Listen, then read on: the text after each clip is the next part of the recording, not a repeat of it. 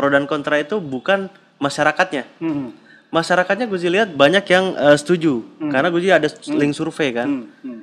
Justru di pejabatnya. Hmm. Hmm. Gue sih gak bisa sebutin cuma yang jelas seharusnya di masa pandemik ini Hmm. selama masa pandemik aja kita bersatu gitu.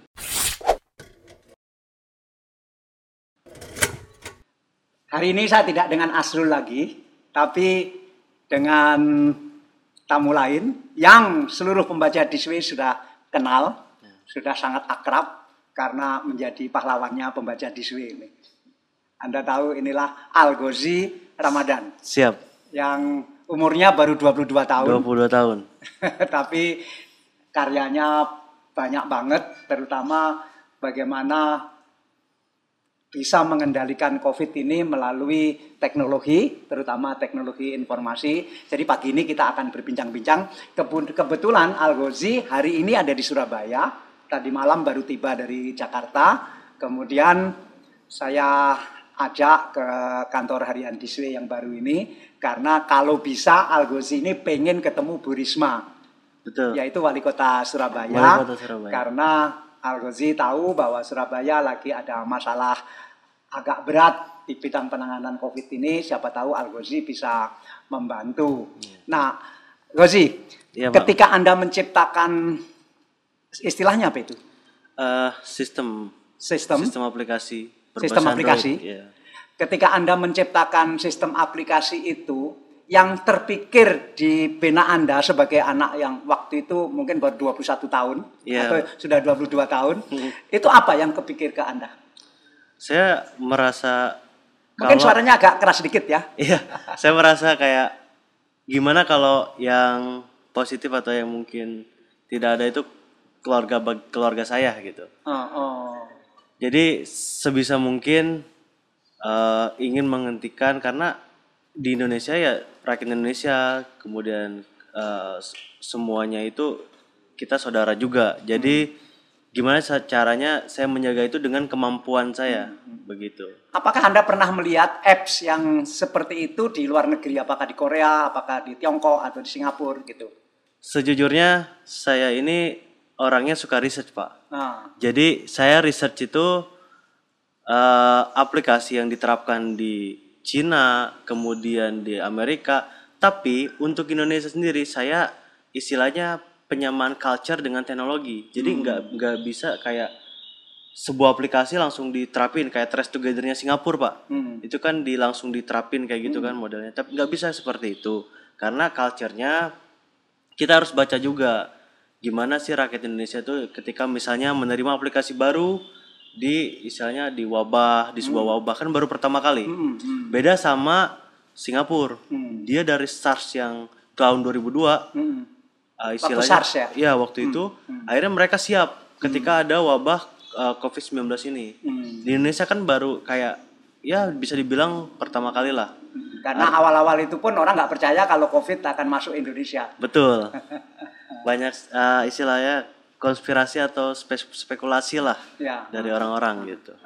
Nah, waktu menciptakan itu berapa kali Anda mengubah, meredesain sampai akhirnya Anda berani menawarkan itu ke masyarakat? Saya dua kali. Uh, ada cerita unik pak. Ya, gimana? Jadi waktu pertama kali itu kita menawarkan ke mana-mana tuh nggak ada yang nerima. Oh, ke mana-mana itu misalnya ke mana aja? Banyak kayak ke sebuah perusahaan dan lain-lain. Oh. Akhirnya saya waktu itu ngelihat AA Gim dengan DT Peduli. Oh. Saya nggak langsung ke AA Gim, Mbak. Kayak saya saya juga nggak langsung Melihatnya di mana? di Instagramnya Agim. Oh, ada followernya Instagram Followernya. Agim. Oh, Iya. ah, ah, terus? Terus saya dari customer service ya, Pak. Ah, Jadi saya benar-benar nggak ada link ke sana gitu. Hmm. Akhirnya saya dari customer service eh, ke supervisornya, kemudian ke lain-lainnya, baru ke direkturnya, Hmm. baru pembahasan gimana bisa masuk gitu kan ke aplikasi fake COVID-19 ini. hmm.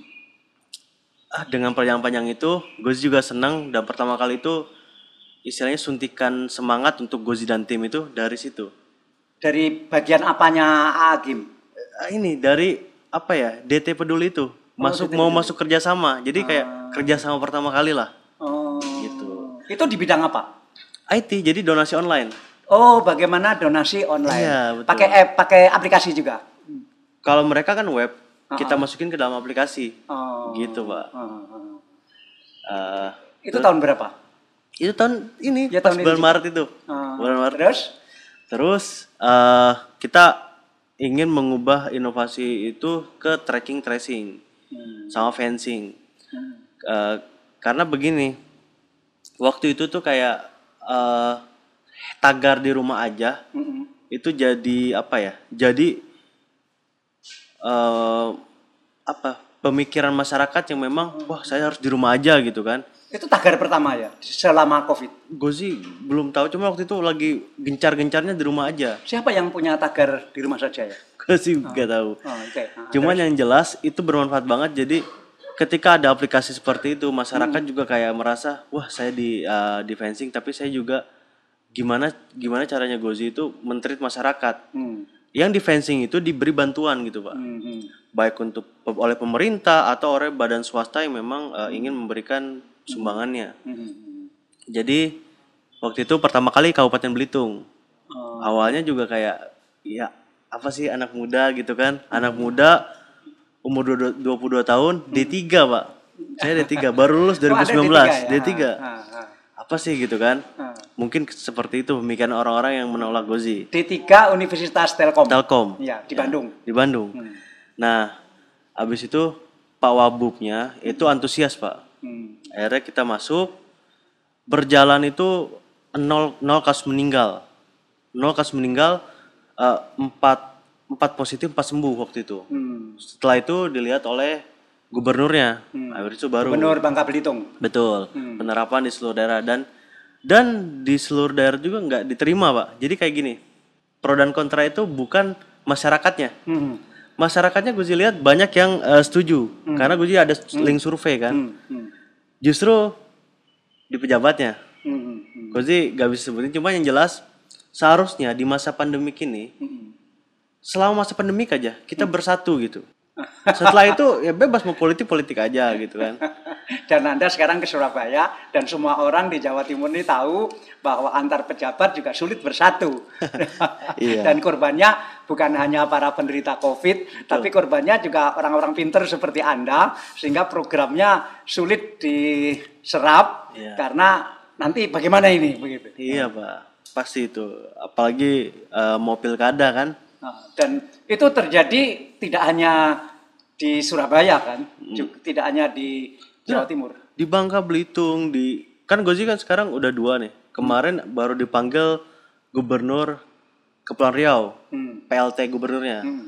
Ah, Pak Is itu, uh, sih lihat sih kalau di Kepri itu lumayan inilah, lumayan netral, Responsif. responsif dan kota provinsi itu istilahnya saling dukung lah. Hmm, hmm.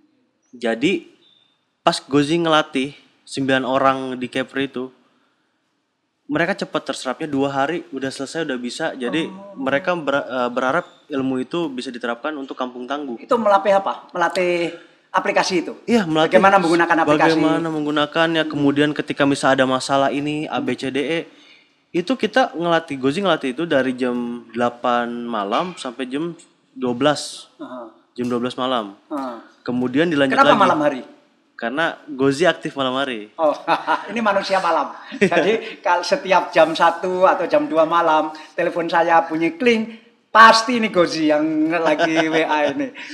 Dan kita ini baru ketemu hari ini. Baru ketemu. Sebelumnya tidak pernah ketemu, juga tidak pernah tahu. Kita terus komunikasi, tapi karena Gozi waktu itu semacam curhat ke saya dan saya lihat, uh anak ini hebat sekali, umur 22, uh, lulusan D3, tetapi pinter sekali menciptakan aplikasi. Kemudian saya coba, saya tampung dalam tanda kutip, kemudian ya akhirnya uh, Gozi bisa gemuk sekarang.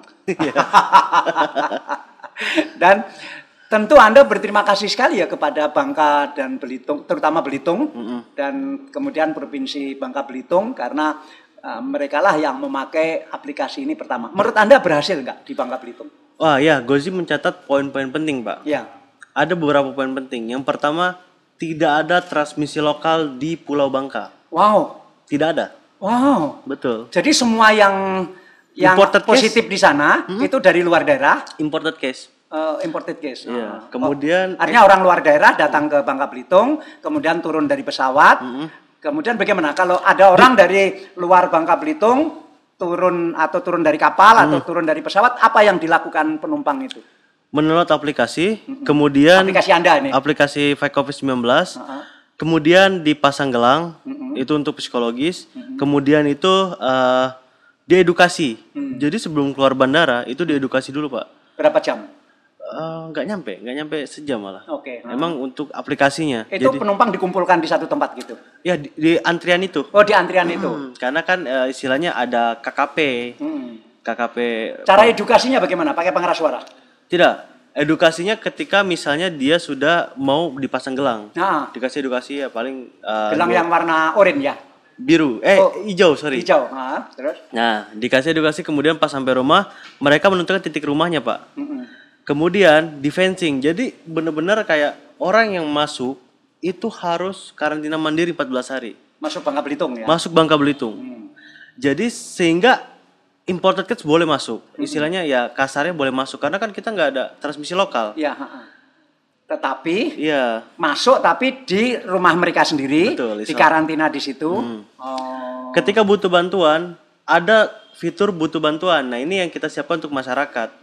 Inilah bapak-bapak, ibu-ibu, kepala daerah, Al Ghozi ini menciptakan aplikasi yang sudah dipakai di Bangka Belitung dan tadi sampai hari ini dibuktikan tidak sampai terjadi trans- Transmisi lokal transmisi lokal Pulau Bangka. COVID-19 karena menerapkan aplikasi ini.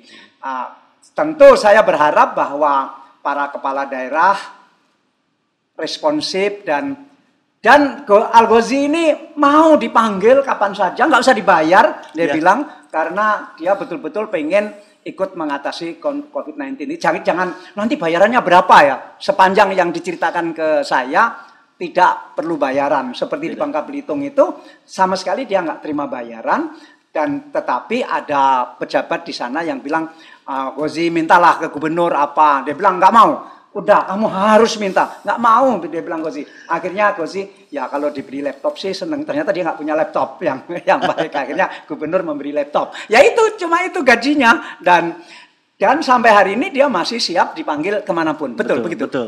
Kepri juga kemarin ya eh, bilang Kepri itu Kepulauan Riau Oh ya, Kepulauan Riau. Eh, itu provinsi ya. Provinsi. Kepulauan Riau. Ya. Dulu Provinsi Riau kemudian dipecah menjadi Ya. Provinsi Kepulauan Riau yang isinya itu Bangka eh isinya Batam. itu Batam, Tan- Tanjung Pinang, Betul. Bintan ya, Ya. Batam, Bintan, Natuna dan sekitarnya. Betul. Ya. Apa yang terjadi di Kepulauan Riau? Ditanya, ini eh, kita manggil Gozi berapa nih? Apalagi ada pelatihan kan? Berapa Gozi gitu-gitu. Gozi bilang gratis. Memang ini un- untuk apa kemanusiaan. Hmm. Jadi sekali Gozi bilang gratis sampai kapan pun harus gratis. Hmm. Jadi eh kadang-kadang tuh merogoh tabungan, tapi tidak masalah. Ah, Tidak masalah sekali lagi. hebat ya. Karena setelah ini pun Gozi juga istilahnya mau cari karir profesional untuk apa namanya kerja profesional lah.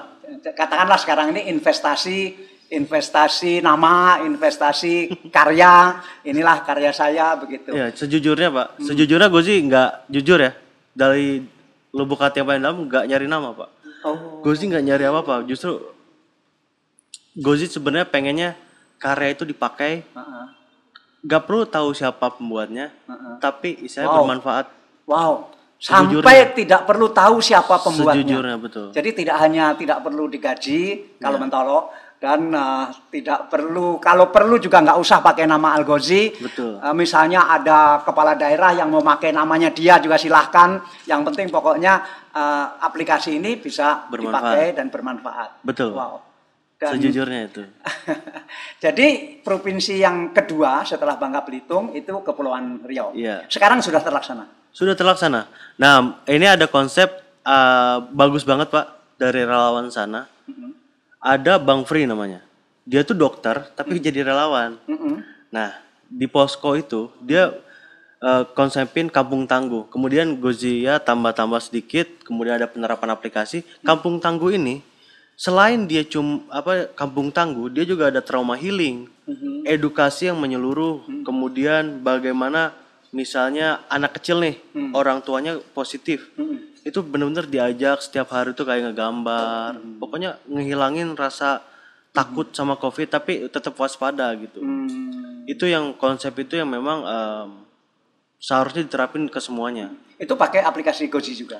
Aplikasi Gozi untuk em, menjaga tadi tetap tetap gunanya untuk itu. Tapi ada aplikasi yang lain yang Kampung Tangguh itu enggak, Enggak, juga. Pokoknya enggak. pakai uh, Algozi punya. Iya. Sebetulnya memang saya membayangkan ya, misalnya ke provinsi seperti Kalimantan Timur supaya ekonominya tetap, tetap jalan dan te- cukup terisolasi karena perbatasannya dengan Kalimantan Selatan juga tidak terlalu terbuka, nggak punya perbatasan dengan Kalimantan Tengah dalam pengertian jalan raya tidak ada, tidak ada perbatasan dengan Kalimantan Barat, sehingga cukup terisolasi sehingga seandainya provinsi seperti Kalimantan Timur itu kampung saya. Oh, Nah, kalau siap. bisa menggunakan aplikasi ciptaan Algozi ini sebetulnya juga akan bisa mengatasi masalah COVID dan dengan demikian maka ekonominya jalan gitu. Jangan Betul. sampai ekonomi ini mati padahal ada jalan.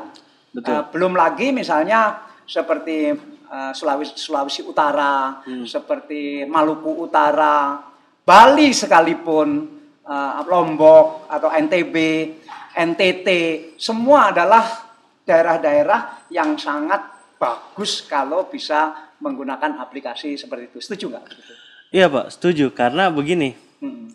sebenarnya kemarin itu hampir tuh di Nusa Dua. Oh, Karena ada dua jalur darat doang kan. ya ya. ha. Itu udah dikonsepin sama Gozi. Oh. Kan kita sekarang udah sistemnya QR code tinggal tempel aja pak. Hmm. Kemudian di approve dari petugasnya nggak perlu kayak gini. Hmm. Tapi petugasnya dari dalam gitu. Hmm. Tinggal approve approve pakai website. Ya. Dia cuma Itu yang di Tiongkok dilaksanakan sekarang. Nah, seperti itu pak. Karena waktu itu Pak Dalan juga sebelum kita pindah ke IKR bilang, ah saya tuh eh, kepikiran soal yang di Cina tuh udah pakai QR. Jadi mau ke mall QR, ke mana-mana QR. Nah itu sebenarnya udah lama ya pak. Bapak bilang kayak gitu dan gue sih terapin pas eh, sebulan sebulan lebih lalu lah. Oke. Nah jadi udah Terima diterapin. kasih Nah, ide ide-idenya ditampung, ide-ide saya ditampung. iya pak. Dan memang sekarang ada juga di Jakarta atau di Surabaya mall sudah dibuka, kemudian pakai QR juga. Tapi apakah itu terkoordinasi? Apakah itu hanya QR QRan? Ini yang menjadi persoalan kita. Nah, uh, Algozi, Hmm. keprihatinan saya yang lain adalah Bangka Belitung sudah sukses melaksanakan itu. Tapi replikasinya kok lambat sekali ya. Artinya begini, coba sekarang dari Bangka Belitung selesai, kemudian yang kedua sekarang Kepulauan Riau. Jaraknya berapa bulan ini? Eh, dua bulan lebih lah. Dua bulan lebih lah. Bayangkan dua bulan baru replikasi di daerah lain.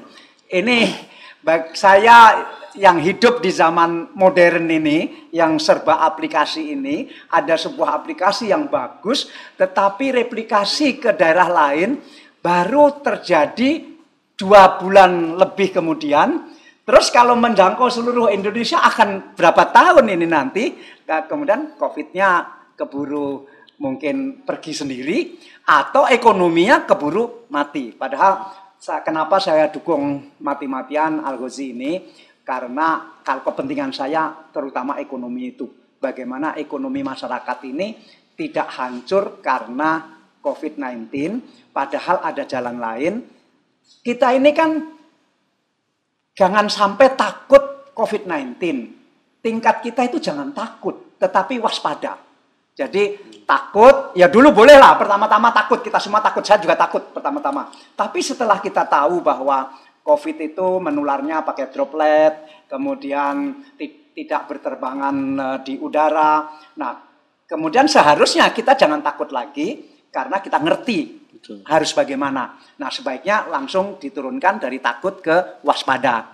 Nah, kelak dari waspada turun ke hati-hati, begitu. Nah, sekarang ini dari takut langsung bebas. Ini menurut saya yang juga harus ini sebetulnya Algozi ini akan menjembatani bagaimana dari takut menjadi waspada dan semua kita waspada. Nah, harapan Anda daerah ketiga yang akan mengambil aplikasi Anda ini kira-kira daerah mana? Atau harapan Anda daerah mana? Daerah ketiga, Hmm. sejujurnya kita kan udah persiapkan untuk jalur darat juga. Kalau misalnya Kepri, Bangka Belitung kepulauan kan, Ah, ah, karena dia kepulauan, artinya pesawat dan jalur laut aja. ah, ya. Kita sebenarnya udah siapkan kayak untuk di stasiun, di terminal. Artinya bagaimana orang Jakarta ke Surabaya pakai jalan darat, bagaimana dari Semarang ke ke Madiun, Betul. eh, dari Bandung ke Purwokerto, dari Kerawang ke Cirebon. Anda sudah menyiapkan itu juga sebetulnya. Betul. Jadi daerah ketiga yang sebenarnya pengen itu Jawa. Jawa Timur, Surabaya. Oh, kenapa pertimbangannya? Karena begini, sekarang itu tingkatan nomor satu kalau nggak salah. Ya, Jakarta udah kalah. Ya itu eh, banyak lah istilahnya gara-garanya tanda kutip. Hmm. Contoh ada orang pulang kampung waktu bulan akhir Mei, Nah, pulang kampung ke Jawa Timur dari Jakarta, kemudian orang yang nggak nggak dapat pekerjaan di Jakarta pulang lagi mungkin orang Jawa Timur, akhirnya kasus melonjak dan yang disayangkan adalah adanya transmisi lokal. hmm. Itu yang, aduh itu yang Anda nggak bisa terima itu. nggak bisa terima. Karena padahal ada jalan keluar ya. Betul, ada. Wow. Wow. Ya, begitulah saudara sekalian. Tapi kita tidak boleh patah semangat ya. Saya mencoba lewat-lewat podcast ini. Ayolah para kepala daerah, sudah silahkan Gozi ber- mau tidak digaji, mau namanya tidak dipakai, terserah. Yang penting pokoknya COVID ini teratasi, ekonomi bagi saya ekonomi bisa jalan.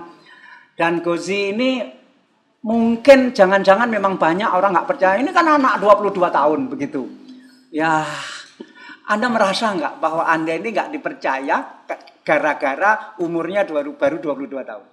Pastilah banyak yang nggak percaya. Apalagi eh, Gozi orangnya selengean. Oh. Sebenarnya ya kayak gitulah kayak apalagi anak-anak kelas waktu kuliah. Tahu Gozi orangnya gimana? Bener-bener nakal, selengean, dosen-dosen sampai kayak udah geleng-geleng kalau lihat Gozi. Nakalnya seperti apa sih misalnya? Misalnya eh teman lagi presentasi, Ah. kita katain ntar ketawa-ketawa teman sekelas tuh. Ah. Nah, Gozi itu yang mulai. Bu- Bully lah kalau sekarang. nggak boleh Oh, jadi jatuhnya Oh. kayak gimana ya Hmm. kayak kita bikin dia ketawa abis itu kan nular ke yang lain gitu Nah ini orang seperti Al Ghazi ini kan di tulisan saya juga saya sebut milenial nakal.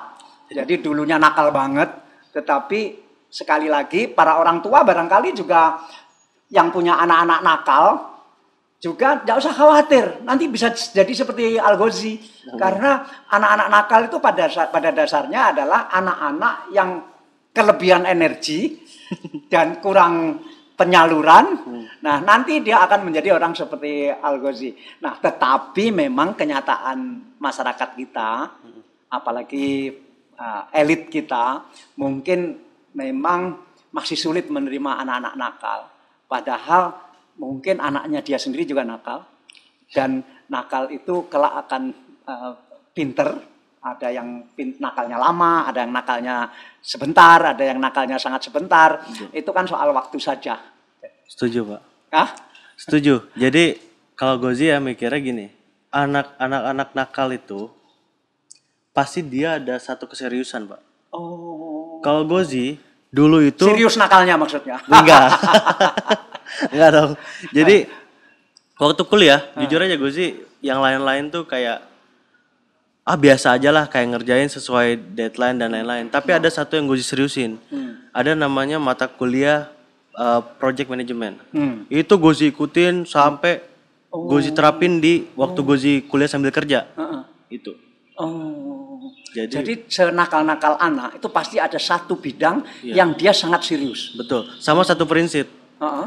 kalau Gozi prinsipnya gak kemakan uang terus juga yang kedua itu adalah jujur Oh. Gozi Gozi sama orang lain Oh. termasuk teman setim Heeh.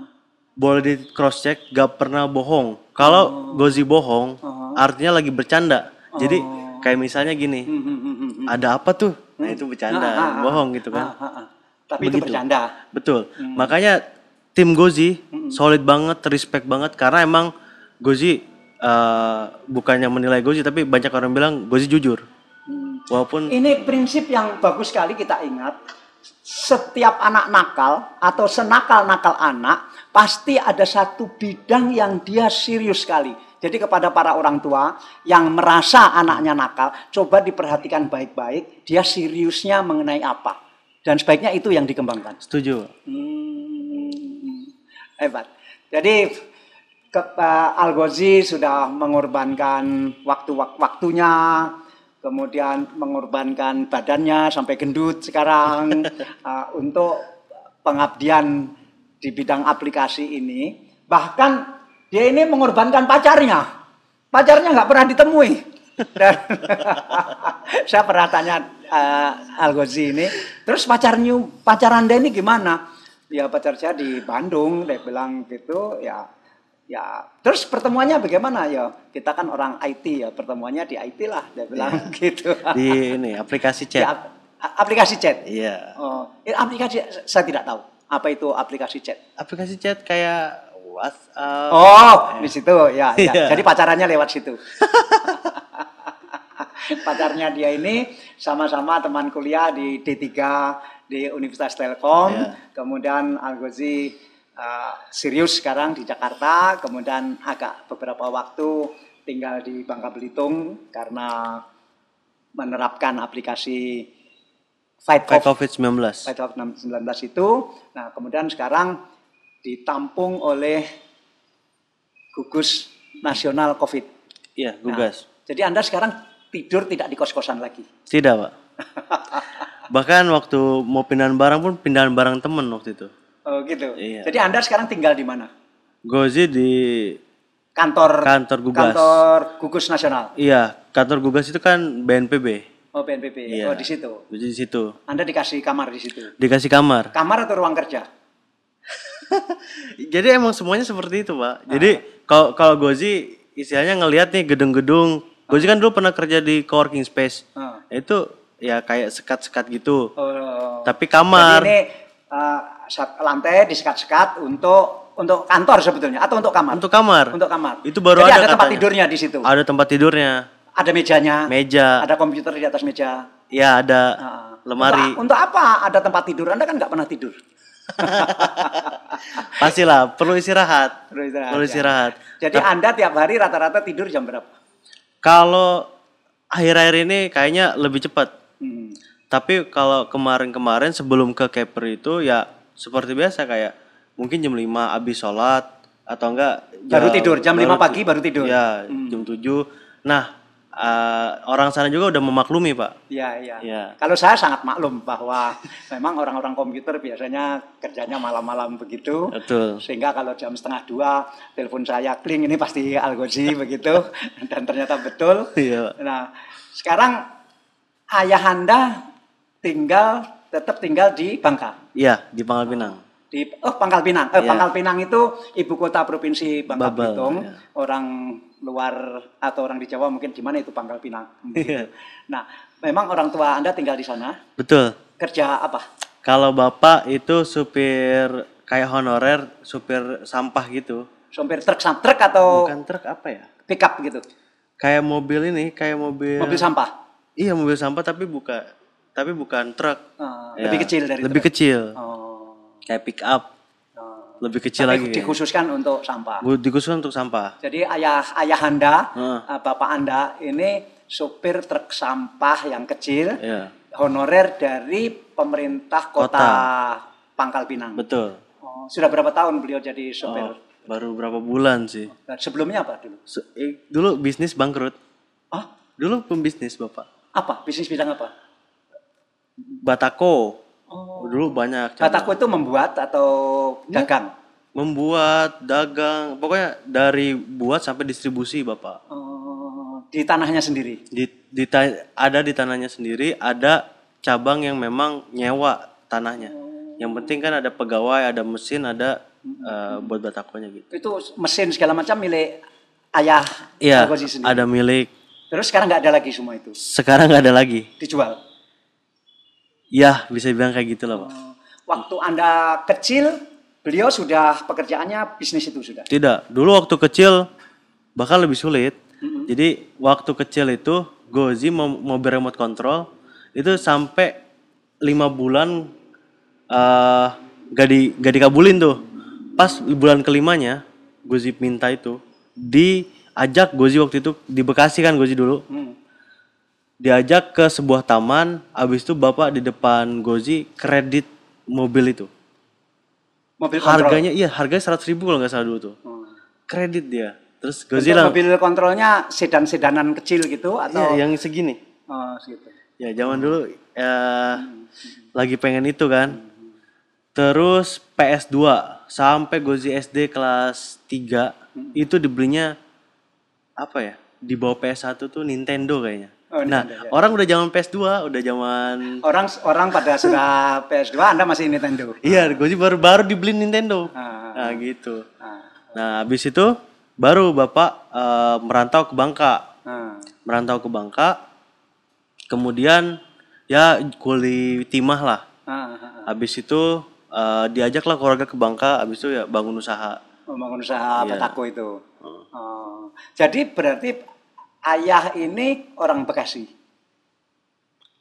Bapak tuh orang Jawa, orang Jawa. Oh, ngerantau di Bekasi. oh. ibu juga orang Ibu Jawa, orang Pang- eh, orang ini, orang Bangka. orang Bangka. Oh. Iya. Ketika ayah merantau ke Bangka, ketemu ibu itu. Enggak, di Bekasi. Ketemunya oh, di iya. ketemunya di Bekasi, Heeh. tetapi ibu asli dari Bangka.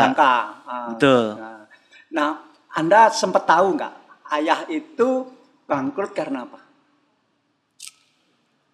Tentu Anda waktu itu masih ma- masih kuliah atau Oh. Ma- belum masih kuliah? kuliah, masih kuliah. Eh, awal-awal kuliah kayaknya. Awal kuliah.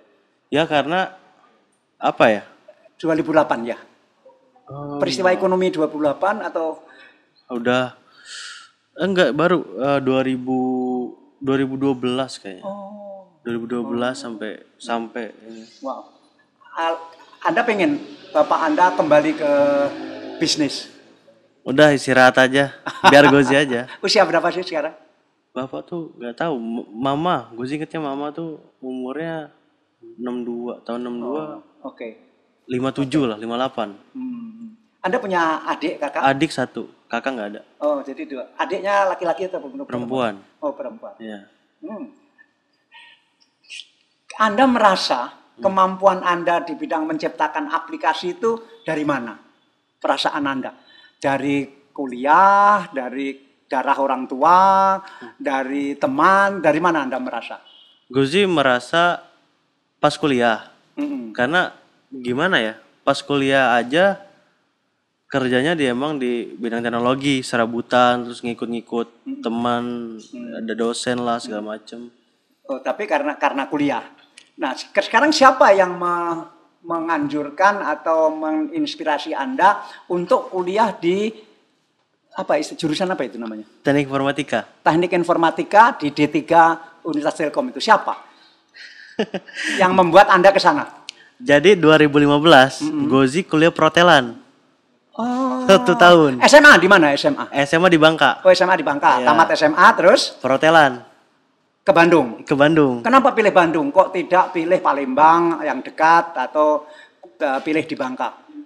Karena dulu ikut-ikut teman. Oh. Ikut teman ada di Bandung, tahu-tahu teman-teman itu di Universitas Sriwijaya Palembang. Terus satu lagi, satu cuma satu doang di Bandung. Jadi Nah, anda ikut teman itu? Iya. Teman baik. teman baik SMA. Nah, Anda membayangkan apakah orang tua mampu membiayai Anda kuliah di Bandung? Oh dulu mampu. Oh, ke- Gozi masih ngerasa, bisnis ya Gozi ngerasa mampu. Ah, ah, ah. Pas sudah pindah ke Telkom, nah baru ngerasa kayak kok nggak apa namanya uang uang uang mingguan kok susah gitu kan? Oh. Karena Gozi Tapi nggak tahu kalau bangkrut aja. nggak tahu, Oh. nggak tahu, belum tahu bukan nggak. Kenapa pindah dari perhotelan ke ke informatika? Dulu itu nggak suka aja, nggak suka sama dosennya. pas pas Eh para perhotelan. dosen, ini ada ternyata cerita seperti ini orang berhenti dari kuliah karena tidak suka pada dosennya, bukan pada pelajarannya. Bukan sama pelajarannya, pelajarannya bagus Guzi. Terus? Terus ya abis Eh, itu tapi sekalian lah, nggak Ya. suka itu karena apa? Supaya dosen-dosen mendengar ini. begini, dosen itu banyak menuntut, pas ditanya nggak tahu. Itu yang gak gue sih nggak suka. Kecuali gini, dosennya itu yang bener-bener pintar, kemudian banyak nuntutnya ke mahasiswa nggak masalah. Ada pas ditanya balik, dia ngerti jawabnya. Ini nggak ngerti. Mm-mm. Atau kalau memang dosen itu merasa tidak pinter, nggak usah menuntut banyak gitu. Gak usah menuntut banyak. Kalau Sesuai itu Anda bisa terima. Dosennya nggak pinter, tapi tidak menuntut banyak, Anda bisa terima. bisa terima. Oh. Banyak kok. Terus Anda nggak suka sama dosen itu, Anda memutuskan pindah. Pindah Anda rugi berapa semester? Dua, dua semester, Dua semester, satu tahun ya. satu tahun. Nah, anda lapor nggak ke orang tua bahwa saya nggak nggak kuliah di sini lagi? Atau jangan-jangan orang tua nggak tahu kalau anda ini kuliah di di mana gitu? Lapor. Lapor. Lapor. Gue sih tetap dekat kalau sama mama dekat. Jadi gue sih setiap ini kasih tau lah. Habis itu pindah ke teknik informatika itu nggak sengaja. Jadi kayak waktu itu gue sih pengennya ini sekolah STPI, Apa itu? Sekolah Tinggi Penerbangan Indonesia. Oh, Pengen di sana. Oh. pengen jadi pilot? Enggak jadi teknisinya. Oh teknisinya. Oh, Pengen waktu itu. suka teknik ya memang ya. Iya, suka itu dulu tuh. Waktu di SMA sudah kelihatan suka tekniknya itu. Iya, Atau karena motor- main Nint- Nintendo PS itu. Enggak, karena waktu itu motor, gue sih bener kayak ganti apa segala macam tuh sendiri bisa. Oh, Dulu itu. oh. Karena motor dulu kan motor ah, suka ini ngadat. Waktu SMA sudah diberi motor oleh orang tua. Udah. Oh, Waktu itu Vespa juga pernah punya. oh. Jadi tahu. Itu dijuali semua. Oh, jual. Udah nggak ada. Ada. Jadi waktu itu rusak Anda perbaiki sendiri sekarang itu bisa. Ah, Jadi iya, Anda Pak. suka teknik. Suka. Jadi karena itu ketika di perhotelan ketemu dosen seperti itu Anda pindah ke Iya. Telkom. informatika. Hmm. Hmm. Terus Terus karena nggak keterima STPI, ya sudah. Abang kan dosen nggak di. terima, nggak diterima nggak atau diterima. Eh ini nggak lulus. oh nggak lulus. Nggak Oh, Anda ikut tes Ikut. tahun berikutnya gitu ya? Iya. Hmm. Ya, jadi ya udah karena nggak lulus, abang, abang kan dosen di Telkom, Hmm. bilang, Abang itu siapa? "A- abang sepupu, Oh abang sepupu. abang sepupu, Hmm. dia dosen di sana, bilang, sih udah kuliah di Telkom aja. Terus sih bilang, gue sih nggak tahu jurusannya apa. Ya udahlah, bebas aja. Jadi beli tiket untuk empat jurusan kan. iya, apa aja di checklist waktu itu, tapi teknik. Nah, akhirnya dari apa teknik industri, teknik informatika, eh, apa ilmu komputer, Nah, sistem informasi, nah. cuma cuma satu kan yang keterima dan itu empat empat ini emang Empat, empat, hasil mendaftar empat empat itu. Iya, Oh. karena kan bakal diterima satu doang, jadi checklist checklist aja. Nah, ketika Anda tidak lulus tes di penerbangan itu, perasaan Anda apakah, loh saya ternyata bodoh lah, gitu, atau nasib gitu? Udah biasa, karena waktu 2015 sebelum di Protelan gagal di secaba Polri. Oh, Anda yang pengen jadi Polri? Iya, gue sih dulu kurus pak, kurus banget. Kenapa pengen jadi Polri? Dulu itu kepikiran apa ya, pengen tinggal di Bangka. Karena kan secaba Polri itu kan tugasnya di Bangka lah, Pulau Bangka Belitung. Ah, Gitu. nggak nggak mau keluar dari Gak pulau mau itu. keluar dulu. Bangka ini, yang Anda paling kangen dengan Bangka apa? Yang paling kangen, Hmm, otak-otak. otak-otak ya. Iya, Hmm, otak-otaknya enak ya. Dari otak-otaknya. ikan apa itu? Tenggiri. Oh, tenggiri. Iya. Oh. Tapi kan di sana juga ada itu kan masakan ikan kuning ya. Lempah kuning. Hah? Lempah kuning. Lempah kuning. Iya. Ya, enak sekali. Ya, itu khas eh, Bangka. Khas Bangka. Iya. Karena di Bangka ini makanan enak-enak. Mungkin karena Bangka ini dulu pusatnya imigrasi dari Tiongkok Selatan. Jadi dulu pekerja-pekerja timah pada zaman Belanda tahun 1600 1700 gitu. Itu kan di Bangka belum ada orang. Didatangkan penambang-penambang dari eh, Tiongkok bagian selatan, umumnya orang-orang dari Guangdong. Nah, itu kenapa orang Bangka itu umumnya atau banyak sekali orang Tionghoa di Bangka karena itu. Dan tentu mereka jago-jago masak dan sampai sekarang masih masakan-masakan Bangka masih sangat enak. Oh. Kalau Ibu suka masak apa? Kalau ibu suka masak Lempah kuning Oh, suka. bisa ya? Bisa. Oh, lain kali saya mau kalau ke Bangka pengen anu dimasakkan oleh ibu Anda. Boleh. Lempok kuning. Boleh. Dan sekarang Bangka sepanjang pengetahuan saya diskusi dengan para tokoh di Bangka, sekarang Bangka lagi mengembangkan estate durian. Jadi akan ada ribuan hektar durian Bangka nanti yang akan menjadi andalan Bangka untuk ekspor ke Tiongkok. Nah, Algozi kembali ke aplikasi. Ini kan, aduh, lambat sekali. Kenapa ya menurut Anda kok tidak pusat saja memberi instruksi kepada kepala daerah? Daerah harus menggunakan aplikasi ini gitu. Kenapa ya nggak begitu aja? Em, banyak ini, banyak banyak pertimbangan. Hmm. Jadi doakan saja Pak. Jadi kalau misalnya emang Dia nggak berani ngomong. Saya tanya tadi waktu di perjalanan, Agozi, aku tahu Anda ini frustrasi. Kalau tidak frustrasi ngapain telepon jam 2 malam, jam tengah 2 malam. Tadi pagi saya tanya, frustrasi Anda ini tingkat berapa? Kalau 1 sampai 9. Kalau saya sering telepon-telepon dulu ya tingkat 9 Pak katanya begitu. Nah sekarang udah turun, ya sekarang agak turun karena sudah ada daerah yang yang yang uh, baik hati memakai aplikasi Gozi. Ya sekarang uh, frustrasi saya tujuh lah katanya gitu. Ya baik juga lah. Ya, tapi Iya, inilah nasib uh, anak-anak muda yang mempunyai kemampuan tinggi dan keinginan tinggi, Betul. tetapi terbentur kepada kenyataan dan realitas di lapangan. Tetapi baik juga lah biar Al-Ghazi matang nanti karena terbentur tembok terus asal kepalanya tidak pecah saja ya.